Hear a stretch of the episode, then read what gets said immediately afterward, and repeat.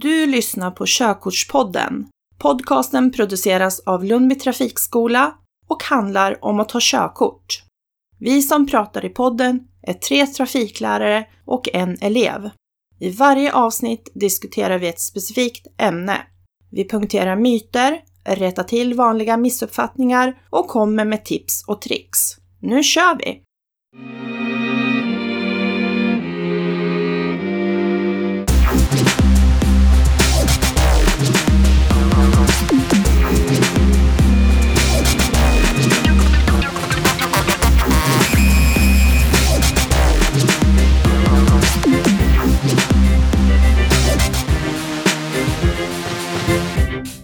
Hej och välkommen till det fjärde avsnittet av Körkortspodden med mig, Jakob Svärd, som är en elev på Lundby Trafikskola. Och tillsammans med mig så har jag, vilka då? Sara, eh, trafiklärare på Lundby trafikskola. Och Malin. hej på er, är det bra med er? Ja. det är det. Morgon, morgonpigga så här. ja. Idag ska vi prata om risker i trafiken. Eh, och som vi etablerat tidigare i den här podden så är jag i egenskap av eh, körkortstagande elev eh, den som ställer de dumma frågorna.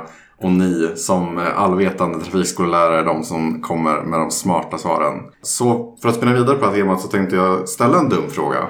Är det så farligt att köra bil? Ja, om man inte kan hantera det. Mm. Kan bli farligt. Ja, kan bli farligt. Väldigt farligt. Vad, vad är liksom de vanligaste riskerna i trafiken? Eh, Det finns ju hur många som helst egentligen. Ja. Jag har ju genomgått så här, eh, två riskutbildningar nu under min utbildning. Den ena syftar ju till att liksom upplysa en om eh, farorna med att köra påverkad av droger eller av alkohol. Och den andra var ju mer det som, det som traditionellt sett har kallats för halkbana som idag heter riskutbildning 2. Där man får känna på hur det är att köra när det är snorhalt för att tala ren svenska. Eh, och båda de här grejerna gör ju att man... Eh, båda de här utbildningarna är ju superbra tycker jag. För att de ger ju verkligen perspektiv på hur fel det kan gå eller hur, hur farligt det verkligen är.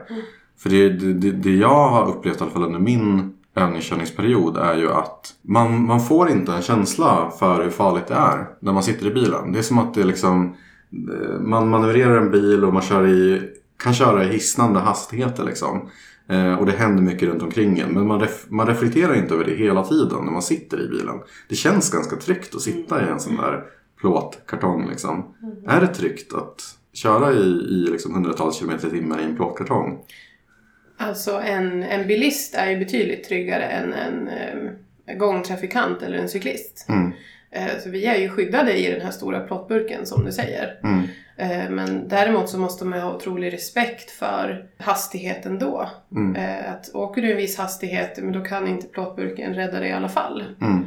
Moderna bilar är ju byggda på ett sätt så att de ska skydda så bra som möjligt med olika deformationszoner och Mm. airbag Och det finns Alla ju hur många system som helst. ja. Mm. Säkerhetssystem, det utvecklas ju hela tiden. Precis, och man, man blir liksom invagd i en känsla av att så här, de här bil, eh, bilföretagen som gör bilarna, att de, liksom, de har tänkt på allt. Liksom, och det är så mycket digitala system. Och liksom så här, det kan ju inte vara farligt att köra bil idag. För det finns så mycket krockkuddar, det finns så mycket säkerhetssystem och dekompressionszoner och sånt där. Men, men eh, sen under den här riskutbildning 2, där man då får köra på halkbana, eh, bland annat, eh, så får man ju även se filmer på vad som händer med en bil när man krockar i 50, 70, 90 km i timmen och sånt där. Eh, och det är verkligen, det för mig var det ögonöppnande. För jag fattade inte hur, hur mycket en bil liksom kl- klumpas ihop om man kör in i ett träd. Det är liksom, du behöver inte komma upp i många kilometer i timmen för att det ska bli eh, liksom pannkaka av, av bilen. Men det är så en bra risk 2-utbildning idag ska vara. Mm. Eh, Man snackar om att det är gamla halkbanan. Men det handlar ju inte bara om halka utan man får mycket annan eh, ögonöppnande information också. Mm. Just det här med krockar och den här voltbilen som fanns. Mm. Och, Precis, när man det får är så hänga upp och mycket ner. annat därtill så det är Mm. inte bara en halkbana. Mm. Så därav namnet risk 2-utbildning. Mm. Eh, Att det fokuserar lite mer på, på bilen i risk, ur risksynvinkel. Då. Mm. Medan riskettan är ju mer eh, mänskliga faktorn Mm. man fokuserar på där. Då. För det, där- det där tycker jag är väldigt intressant. Just det där med, människan och bilen. Alltså när man läser om trafikolyckor idag i tidningar och sånt där. Då, då läser man ofta citat som att så här, ja, det var så himla halt ute. Eh, men jag tänker liksom att det där det är lite av en fel, felslut eller det är lite av ett logiskt feltänk liksom. För att det, det är inte det är inte, det är inte väglaget i sig som ökar Det är klart att det ökar riskerna liksom men det är ju människan som inte håller hastigheten anpassad efter det här väglaget. Ja, för det är alltid så. Föraren kan ju anpassa sin körning efter rådande förhållanden. Mm. Eh, är det halt ute, ja men då får man ju se till att anpassa sin körning på, på rätt sätt. Ja men precis och då när de här journalisterna ställer frågan så här, vad berodde olyckan på? mm. Då svarar man så här, det var så halt Ja, ute. det- Men det är inte det det beror på, eller? Nej. Nej. Nej, för jag menar vi har ju hur många bilar som är ute på vägarna dagligen och som förra veckan när det var alltså, pissväder. Mm. Jag, jag var ute och körde, jag krockade inte. Mm. För jag, jag anpassade min körning. Mm. Men så ser jag ju dagligen de här bilarna som bara svischar förbi fast det är två decimeter snö på, på vägbanan och kör i ja, de kan ju säkert köra i 110-120 trots de förhållandena. Och det är klart att det kommer smälla. Mm. Och det där handlar ju om liksom att man som människa dels har blivit, ja, som vi pratade om tidigare, att, att man inte man, man känner inte av hur, hur farligt det är att åka sådär snabbt eh, i det där väglaget. Och man, det känns som att det, det, det finns en kultur av stress i biltrafiken i Sverige. Och, och det, det, den, jag vet inte om den är lika stressig som i andra länder överallt. Liksom. Men det, jag undrar vad det beror på. Har ni fått någon slags känsla för varför folk är så stressade i trafiken? Man är väl stressad rent allmänt Ja. i samhället. Jag tror- ja, Allt ska vara... Ja. Man, man ska ha bra karriär, man ska ha bra... eh, Man ska ha familj, man ska ha vänner, man ska träna, man ska leva bäst. Mm. Mm. Man ska vara störst, bäst och vackrast på Instagram liksom. Mm. Det, Så- så det, Nej men det är samhället överlag Ja. som säger. Alltså det är ju mer stress nu än vad det var för, mm. ja, jag tror bara tio år sedan känns det som att det har skett en förändring. Mm. Att man ska vara överallt, man ska ha det här perfekta livet, man ska hinna allting. Och då, för att hinna Mm. allt det här, då måste man köra fort. Precis. Ja, för annars hinner man inte det. ja. Så, den, så den största risken i trafiken det är människor som försöker lägga livspussel. Liksom. Jag ska hinna se världen samtidigt som jag bygger karriär Ja. och familj. Nej, men, och då också när, när det är så att man är stressad och sitter i bilen. Man kanske har ett möte som börjar om 30 minuter. Man vet att okej, det tar egentligen 40 minuter för mig att komma dit. Mm. Ja, men man pushar på det här lilla extra och när man är stressad då. Man, ja, man funkar inte lika bra som när man sitter i lugn och ro och Mm. ska, ska göra Men det gick förra gången kanske? Eller något Ja, exakt. Mm. exakt. Det gick då, då går det Mm. säkert idag. Mm. Och då tar man de där riskerna. Men det känns inte som en risk just då. Nej. För man vet att man har grejat det tidigare. Men, men för det jag har tänkt på kring det här medan jag har genomgått, för jag har ju genomgått en väldigt in, intensiv utbildning nu. När det har gått en månad, det gick exakt 30 dagar från att jag aldrig suttit i en bil tills att jag hade körkort. Eh, och det har varit väldigt mycket att processa och det har varit väldigt mycket att ta in och sådär. Men det jag har tänkt på är just det här med, alltså, för även om inte alla tar körkort så intensivt som jag har gjort. Eh, så är det ju ändå under en försvinnande liten del av ens liv som man som man genomgår den här utbildningen och som man liksom eh, tvingas reflektera över de här sakerna varje dag. Det jag har funderat mycket över är liksom varför, varför ser det ut så i Sverige att man, man kan ta körkort och sen kan man köra ett helt liv eh, där trafikregler ändras, ens egen körförmåga försämras i takt med att man blir äldre kanske eller om man får en sjukdom eller något sånt där. Men, men det ställs inga krav på att man ska liksom fortsätta bevisa att man är en skicklig förare, att man är en riskmedveten förare. Eh, tror ni att någon sån här lösning skulle kunna, alltså att, att man skulle liksom, för jag har funderat på om det inte vore en bra idé att man typ fick göra en liten uppkörning var femte år eller var tionde år liksom. Absolut, någon form av fortbildning. Mm. För att nu är det, ja men man tar körkortet någon gång och sen har man det hela livet. Men ens förutsättningar ändras ju. Mm. För det är ju som du sa, man kan bli sjuk och sen de här som blir äldre. De har inte samma förutsättningar att klara sig bra i trafiken som, som en ung Mm. och pigg ja, person har. Och läkare är ju väldigt försiktiga med att dra in körkort. Mm. Det är ju verkligen alltså, ja, nöd, nödfall. Mm. Då drar de in det. Så det är ju många ute på vägarna som kanske skulle behöva ha en liten uppdatering. Men om man då tänker på just ur risksynpunkt så, eller risk... eh, Då, det kanske inte bara räcker med att ha då en uppkörning eller ett teoriprov Mm. utan risk etta. Mm. Liksom. eh, eller en riskutbildning för körkortstagare Mm. eller eh, körkortshavare. Ja men så är det ju så, så ofta inom, inom andra sektorer liksom att så här, har man någonting som är riskfyllt som man sysslar med så måste man fort, fortbilda sig för att hålla det fräscht i hjärnan liksom. Alltså man, jag tror att vi alla behöver en påminnelse då och då att vi Mm. måste tillsammans eh, sträva efter nollvisionen då. Mm. Som är grunden till våran, all vår utbildning här. Mm. Eh, och det är det vi försöker förmedla när vi har chans att träffa människor. Eh, Körkortsutbildning, riskutbildning, introduktionsutbildning. Det är det som är den röda tråden för oss. Mm. Ja. Och det är egentligen bara som sådana som har körkort. Den enda möjlighet, eller inte den enda möjligheten, men då de ofta får möjligheten till Mm. att fräscha upp kunskaperna. Det är ju introduktionsutbildning ifall man ska köra med någon Mm. hemma. Ja eller tänker jag att om man, om man skulle råka bli av med sitt körkort Ja, man, ja då, då blir det ju det också. Mm. Men det är ingen, alltså folk är ju inte så aktiva med att söka ny, ny information om Mm. trafikregler eller liknande. Utan har man fått sitt körkort, ja men då, då lutar man sig tillbaka, då är man safe. Men för att jag, jag har liksom, ja men precis man lutar sig tillbaka och det där är ju verkligen, det där är en kultur som genomsyrar samhället. För under min så här utbildning nu så har jag googlat väldigt mycket, sökt väldigt mycket information på nätet kring, ja men i, i forum och sånt där, hur människor resonerar kring körkort liksom. Eh, och det återkommer hela tiden att det här, att man ser på körkortsutbildningen som att man ska få sin lapp. Lappen säger alla liksom. Eh, och sen då är man liksom, då är man förbi det där hindret och då kan man börja liksom, eh, då behöver man inte tänka på det där Det är mer. inte så mycket vad det innebär, vad det är Mm. för ansvar att ha den där lappen Mm. och framföra det här fordonet liksom. Precis. Mm. Och att liksom eh, målet med den resan att börja köra bil, den är ju inte, det slutar ju inte när man tar körkort. Jag har körkort nu. Jag känner inte att jag är Sveriges bästa förare och kommer nog inte vara det på många år liksom. Men det är ju, det är ju en process. Mm. Varför blir det liksom, varför, varför tror ni det blir så här att människor bara liksom försöker liksom få den här fysiska kortet liksom och sen, sen bara tror att de kan tuta och köra? Man blir nog påverkad av men, andra människor runt omkring. Kanske föräldrarna hemma eller vad det nu är för någonting, sambon eller Mm. vem det nu är som pratar om det. Pratar ju mer bara om att ja, men kan du inte skaffa körkort nu så du kan köra själv och Mm. Mm. ja men lite så. Men det är ju, det jag har upplevt nu också bara de senaste åren, det är ju den här stressen. Mm. Ja, att det ska gå så snabbt. Mm. Och det, det är så snabbt som möjligt och då blir det ju så billigt som möjligt. Så att Mm. man skryter om det här att jag tog körkort efter Mm. ja, tio lektioner. Det kostade bara bla bla bla. Men sen... Vilket underbar ni är. Ja, ja men exakt Mm. den.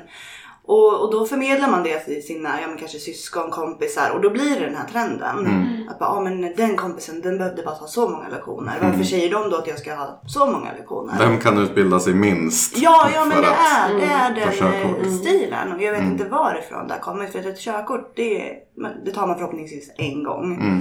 Ehm, och sen ska man ha det hela livet. Mm. Och, man, och det är inte bara målet att klara körprovet utan man ska klara sig hela livet Mm. i trafiken också.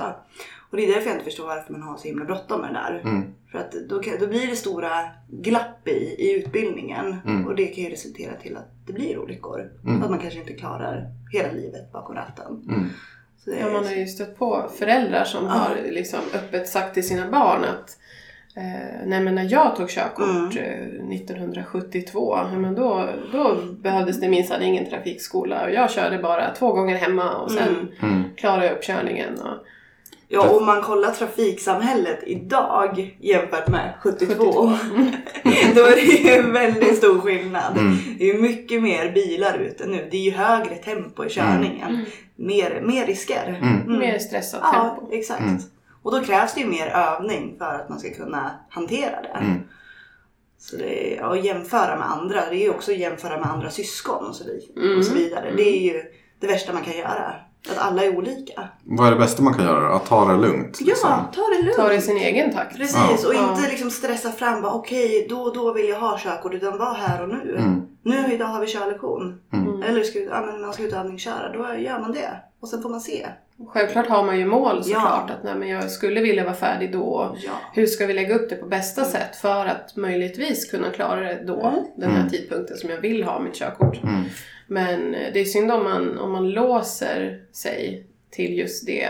Det blir en himla besvikelse sen då om det visar sig att oj, nej det höll inte. Mm. Det kommer ta några månader mer än vad jag trodde. Mm. Mm. Men hellre det än att det går för fort och det, eh, man får inte in all information. Mm. Det är det som blir farligt. Mm. Exakt. Men vad, vad, alltså, vad skulle ni rekommendera en sån som mig då, som har tagit körkort, eh, inte har jättemycket erfarenhet av att köra än. Eh, för jag skulle ju kunna sätta mig i bilen nu och tänka att jag har körkort. Mm. Jag behöver inte läsa något mer. Jag behöver inte liksom, eh, tänka att jag inte kan köra, liksom, alltså, att jag inte är säker i alla situationer. Eh, men jag känner ju att jag kommer ju återvända till teoriböckerna. Jag kommer ju återvända till eh, liksom den, den, den kunskapsbas som finns för att liksom fortsätta utbilda mig. Mm. Är det, låter det som en bra plan? Liksom? Ja, bränn inte böckerna riktigt. Nej. Gör inte det.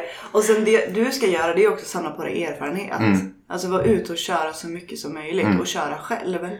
För att det är då det bör, alltså då börjar det på riktigt. Mm.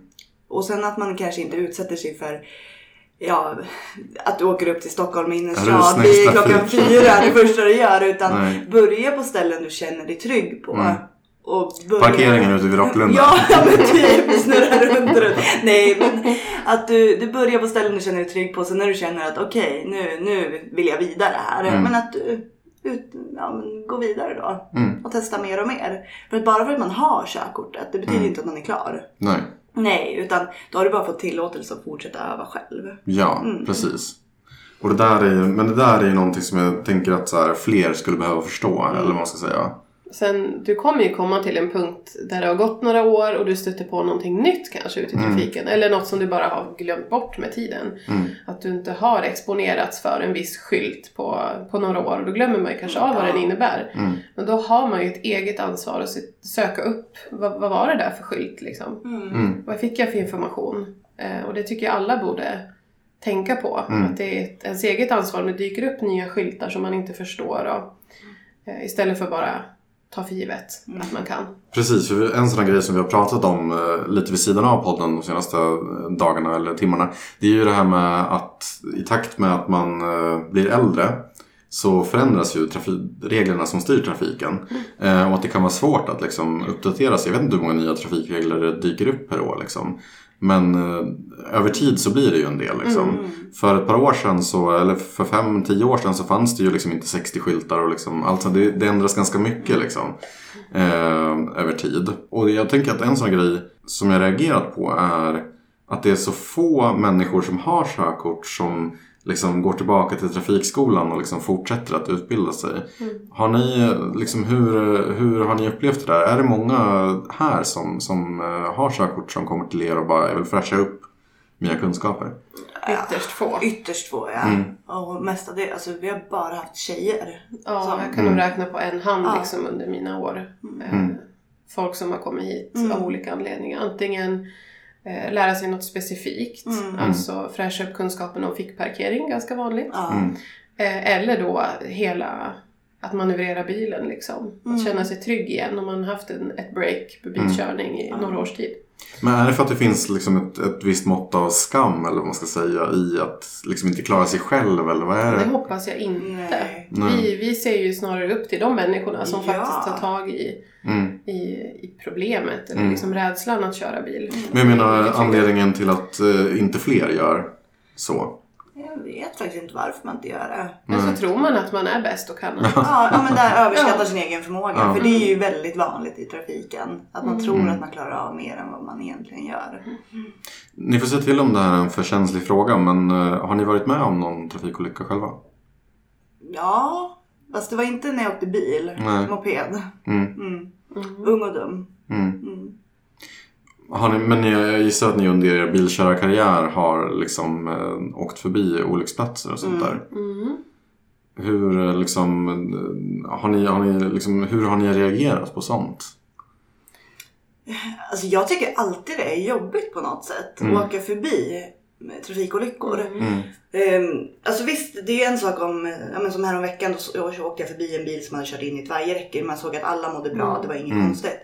Ehm, Men sen så några gånger då har jag ju åkt förbi trafikolyckor där jag har sett att folk ligger ute på vägen och det är så här, man får direkt ont i magen. Mm. Pulsen går upp. Ja exakt, man känner man bara oh shit. Och sen så det var en jättestor olycka utanför eh, men Arboga här förra veckan. Mm. Även fast jag inte såg den så hade jag själv kört just förbi där en timme innan. Var det den här bussolyckan? Ja precis, Mm. bussolyckan där, ja, där det inte gick något bra. Och då får, får jag också så här, man bara, oj shit, det här. Och jag har ändå den här tanken att det hade kunnat varit jag. Mm. Alltså jag hade kunnat varit där någonstans för att även fast man själv gör rätt så Mm. kan man ju inte alltid lita på, på alla andra. Mm. Så det är obehagligt på ett sätt. Men Mm. man vet ju, det händer ju dagligen olyckor. Mm, precis, för sen jag började ta körkort då, eller började utbilda mig så har jag följt så här P4 Västmanlands trafiknytt och sånt där. Och det är ju liksom eh, nej men jag har blivit lite förvånad över att det är ju, det är ju olyckor i närområdet varje dag liksom. Eh, det hade inte jag greppat riktigt. Nej. Eh, Men jag minns ju liksom, jag, jag har inte kanske åkt lika mycket bil som, som många andra sådär. Jag har ju liksom bott i en cykelstad sådär och liksom kunnat tagit mig överallt på cykel. Eh, Men jag minns även att när jag var yngre att, att jag var med mina föräldrar och kör, de körde oss någonstans. Och så kom vi till en sån här trafikolycka som du snackade om där det var liksom magontsvarning. Ehm, och jag minns att, liksom, nej men att, att ens instinkt på något sätt var att blunda liksom, eller att titta bort liksom, från det här. Eh, det hade inte varit en så bra strategi om jag hade kört. Men, men, men i det här läget från passagerarsätet. Men jag tänker att är inte det där en del av problemet också? Att man, att man blundar? Mm. Ja, man läser ju om det i tidningarna och sociala medier, alltså Mm. olika hemska olyckor som sker. Men Mm. man är ju lite så här, äh, man sitter i sin trygga bubbla och tänker Mm. men det där händer ju inte mig. Mm. Synd att det händer dem, men det händer inte mig. Mm. Och det är väl en ganska arrogant inställning Ja, där sätt. kan vi ju alla bara skärpa till oss och Mm. inse att ja, men, missköter vi oss eller ja, slappnar av för mycket, då kan det hända alla. Alltså det kan Mm. hända vem som helst. När som helst. När som helst. Mm. Mm. Att man kan ta de här eh, hemska nyheterna som en, ja, men påminnelse. Mm.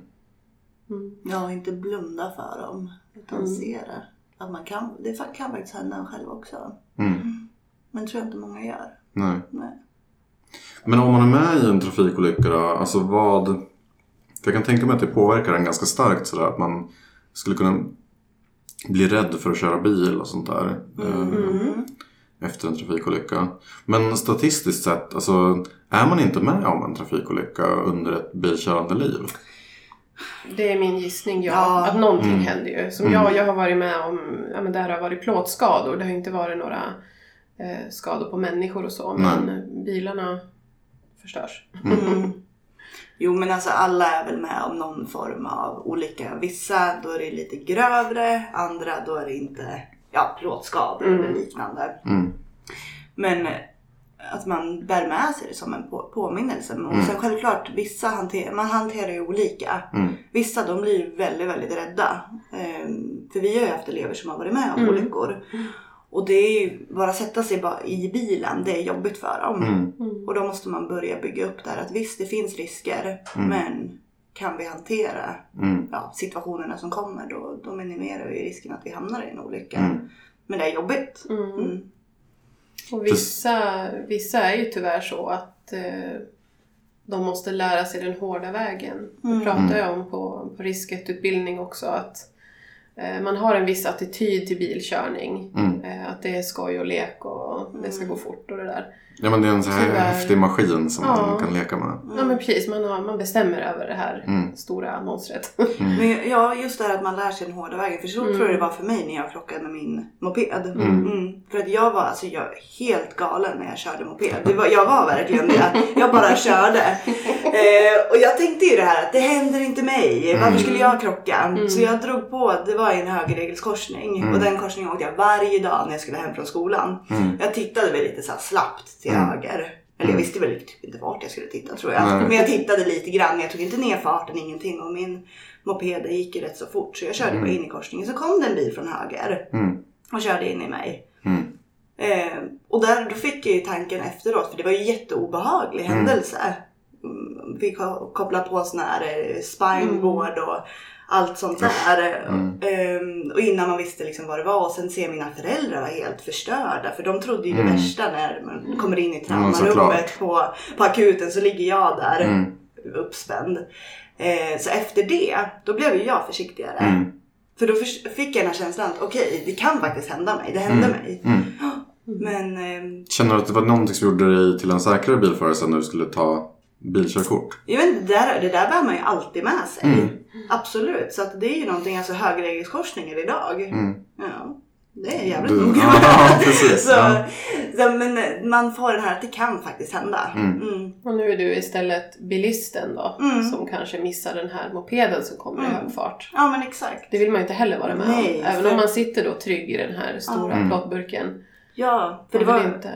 nej, för det var ju den här bilisten som körde på mig. Han klarade sig utan problem. Det blev Det var lite lite, moppe. lite en buckla där på Mm. framskärmen. Men annars han blev- klarade sig bra. Men rent fy, psykiskt Mm. så var ju han med sig det här. För att Mm. jag kommer ihåg, jag, jag ringde och pratade med han efteråt. Mm. Och liksom kollade hur, hur det var med Ja. han. Mm. Och han tyckte ju det var alltså, jättejobbigt. Ja. Mm. Så att det, Men det är ju mardrömmen liksom. Att det ska hända något sånt liksom. Mm. För att även fast det inte var hans fel så såg ju ändå han Mm. allt det här. Ja, han har varit med om liksom Ja. att köra på någon. Ja, exakt. Och det, det vill man inte göra. Nej. Nej. Men jag tänker så här, eh, för under de här eh, nyttiga här riskutbildningarna då, eh, så får man ju faktiskt chansen att testa på hur det är att krocka i 30 km i timmen. Man får sätta sig i en sån här bältestol och liksom glida på en sån här metallskena och man får testa, som jag gjorde då, att, att eh, sitta i en bil, eller en bilkaross. Som snurr, man kan snurra den upp och ner så man känner hur det är att hänga i bältet liksom om bilen har voltat och sånt där. Ehm, men utan, att- utan att liksom så här, eh, hänga ut någon så, så känns det som att eh, alla är inte så sugna på att testa de här sakerna. Ehm, men jag känner liksom att så här, det, här, det här borde ju liksom alla borde testa det där för att få en känsla för liksom Ja men så lite mer hur det känns liksom. Eh, Om man bara krockar i 30 km i timmen, det är ju fortfarande en smäll liksom. Och det har man ju inte kanske varit med om om man inte testar de här Mm. sakerna. Men där, du gick nog in med den inställningen. Liksom, "Ja, men jag är här för att lära mig och Mm. känna på och testa på. Eh, Medan andra kanske har en annan attityd eller inställning. Att "Ja, men jag är här bara för att beta av den här Mm. kursen. För det, det reagerade jag också på under, under mm, risk 2 liksom att Jag har ju hört många berättelser att, från, från förr i tiden liksom, att det har varit en, mer som en rolig grej liksom, Mm. att man får åka runt och sladda och liksom, Mm. köra lite rally liksom. Mm. Eh, men det var inte alls så jag upplevde Nej. det som idag Det ska heter inte vara så riskutbildningen. idag. Nej. Nej. För det, det här var ju, det var, ja, men det var så här. Man fick göra ett par praktiska övningar för att få en ökad förståelse för hur väglaget påverkar riskerna. Eh, och det, men det är ändå intressant för jag tänkte lite att det skulle vara lite läskigt att hålla på med risktvåan eller halkbanan då. För jag hörde liksom, ja men massa så här grabbkompisar som liksom som tog körkort för tio år sedan som var liksom så här att ja, man får man får köra hur fort man vill och halka liksom och sånt där. Och det är inte någonting som jag kände mig så här astaggad på på förhand liksom. Kan det vara en viss mognad nu, tio år senare? Ah, jag tror att det kan vara det. Kanske. Ny körkortsålder, 28 år. 28 år har vi Ja. konstaterat. Att, Ja. Varför inte? ja. Men under ert arbete som trafikskollärare, vad, vad har ni liksom... För jag gissar att ni ändå har liksom tänkt så här, det här, så här borde det vara. Så här, det här borde vi införa för att göra det säkrare liksom. Har ni, har ni några sådana exempel på? Vi har snackat om det här med att, att det kanske inte vore en så dum idé med, med en fortbildning vart femte år eller sådär. Finns det några andra exempel på saker man skulle kunna göra? Ja men också in, fortbildning kan ju se ut på många olika sätt. Mm. Men ha då en riskuppdatering på något Mm. sätt. Kanske medier skulle vara mer delaktiga i att nå ut till allmänheten. Mm. TV-reklam. Vissa länder kör ju sån här skrämselpropaganda med Mm. hemska olyckor och gråtande människor och, och sådär. Eh, kanske behövs ta till, jag vet inte. Ja, men jag tror det skulle vara bra för jag menar media, det, det är vi alla påverkade av. Mm. Alltså dagligen ser man ju på TV, man kollar tidningar, vad det nu är. Eh, och de här filmerna då som vissa länder visar, de är verkligen, alltså de berör. Mm. Man får sin tankeställare efter man har sett dem. Mm. Mm. Medan vi här, det är ju inte direkt någon, eh, några sådana filmer som visas. Mm. Så vi blir ju inte matade med det på samma sätt utan vi kan välja att titta bort. Mm. Medan kommer det återkommande, ja men då måste man kolla på det någon gång. Jag, jag tycker att det är väldigt intressant med, med liksom den teknologiska utvecklingen i samhället så, så lär ju liksom riskutbildningen se ganska annorlunda ut på sikt liksom, om, ett, om ett gäng år. Så där. Tänker bara på en sån sak som det här med virtual reality-glasögon och sånt där. Alltså möjligheten att få uppleva ett slags krasch eller vad man ska säga i en simul- simulation eller sådär. Att det skulle kunna bli mer tillgängligt. Att liksom, att, eh, det som är intressant med den typen av teknologi är ju att just att man får kliva in i en bil och liksom sätta sig där på riktigt inom citationstecken. Fy vad läskigt, Eh, känner jag direkt. Ja. Men att, att det skulle kunna, för just att det skulle kunna få en större så här, känslomässig impact eller vad man ska säga. Ja, Att det är väl det vi får försöka nå ut till, just Mm. känslor. Ja. Det är känslorna som, det är det man minns. mm, Ja, Det är det man lägger på minnet. det är den starkaste formen av inlärning. Mm. Mm. absolut. Absolut. Jag vet inte, har vi pratat tidigare om själva körkortsutbildningen? Det här med privatövningskörning och... Ja, jag vet inte, har vi varit inne på det? Ja, lite grann. Lite. Mm. För där finns det ju också... vi- Man går ju en introduktionsutbildning, både handledare och elev. Mm. på- Som privatist. Ja, man Mm. ska köra privat. Mm. Eh, Men det visar ju sig ändå att det sker ju fortfarande olyckor vid privat övningskörning och det här tas eh, liksom lite för lätt på. Mm. Eh, Och att man idag kan gå från privat övningskörning där man har suttit kanske med en handledare som spelar mobilspel medan man försöker traggla med det här, lära sig köra bil. Mm. Eh, Och sen därifrån kan man gå då direkt till uppkörning och, Mm. och teoriprov. Då. Mm. Eh, att där skulle det, däremellan så kan man som, som samhälle sätta lite mer krav däremellan. Mm. Eh, våra grannländer Norge, Finland här för Mm. mig har ju att man måste gå obligatoriska timmar på Mm. eh, en trafikskola. Ja, det känns ju självklart när man tänker på det. Liksom. Mm. Är, är privat, alltså helt privat övningskörning, är det någonting som eh, liksom, vi kanske borde avskaffa? Eller? Nej, alltså. Det är ett bra komplement. Ja, det är det. Är det. Väl, verkligen. Mm, där så får man den här Ja, mängdträningen. klassiska. För att man behöver ha mycket tid i bilen. Så Mm.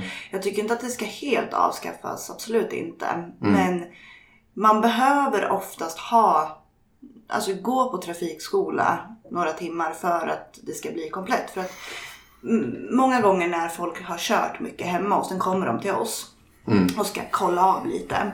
Vi märker ju ofta väldigt många brister. Mm. För att, och det är ju klart att den som kör hemma, vi har ju ändå gått en utbildning för att bli trafiklärare. Mm. Som är längre än tre timmar. Ja, som är längre än tre timmar.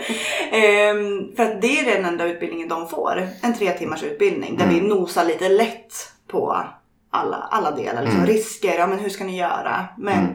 de hinner ju inte bli fullärda lärare på Nej. tre timmar. Det hinner ingen bli. Ehm, Så man märker det blir ju rätt stora, stora brister då i själva utbildningen. Mm. Men vi har ju inget krav på att man måste gå till trafikskola. Mm. Ehm, Så att ja, utbildningen blir ju väldigt varierad. Mm. Mm. Men det känns ändå som att vi skulle kunna enas om att trafikskolan som fenomen, alltså överlag, Mm. är det bästa botemedlet mot liksom, att bli en osäker förare eller om man skulle liksom, se till riskerna sådär. Ja, absolut. Mm. Mm. Och sen att man självklart kan komplettera med, med privat övningskörning som mängdträning. Mm. Mm. Mm. Men att man bör ändå gå till en trafikskola. För olika checkpoints. Liksom. Ja, exakt. Så ni som sitter och lyssnar på det här nu, gå in på lundbytrafikskola.se, eh, boka en lektion, Ja. se till att bli säkra förare, ta ert ansvar. Ja. Mm. Gör det. Ungefär så. Mm. Ja, tack för idag hörni. Mm. Tack själv. Det var allt för Körkortspodden för den här gången. Har du frågor till oss om ditt körkort? Hör av dig till oss på Lundby trafikskola i Västerås. Du hittar oss på Facebook, på lundbytrafikskola.se samt på telefonnummer 021 475 14 00.